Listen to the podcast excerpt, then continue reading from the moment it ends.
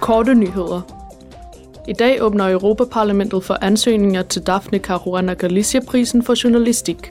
Det sker i anledning i verdensdagen for pressefrihed. Prisen uddeles årligt til professionelle journalister, der fremmer eller forsvarer EU's grundlæggende principper og værdier, såsom menneskelig værdighed, frihed, demokrati, lighed, retsstatsprincippet og menneskerettigheder. Miljøudvalgets medlemmer vil i morgen drøfte deres holdning til et lovforslag om reduktion af emballages miljøpåvirkning. Teksten foreslår bindende EU-mål om blandt andet at reducere mængden af indgangsplastflasker med 65% og PET-emballage, som anvendes til de fleste læskedrikke, med 50% fra 2040.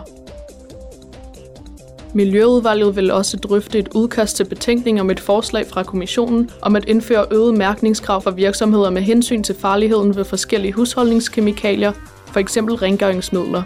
Målet er at informere forbrugerne bedre, så de kan træffe bedre købsbeslutninger.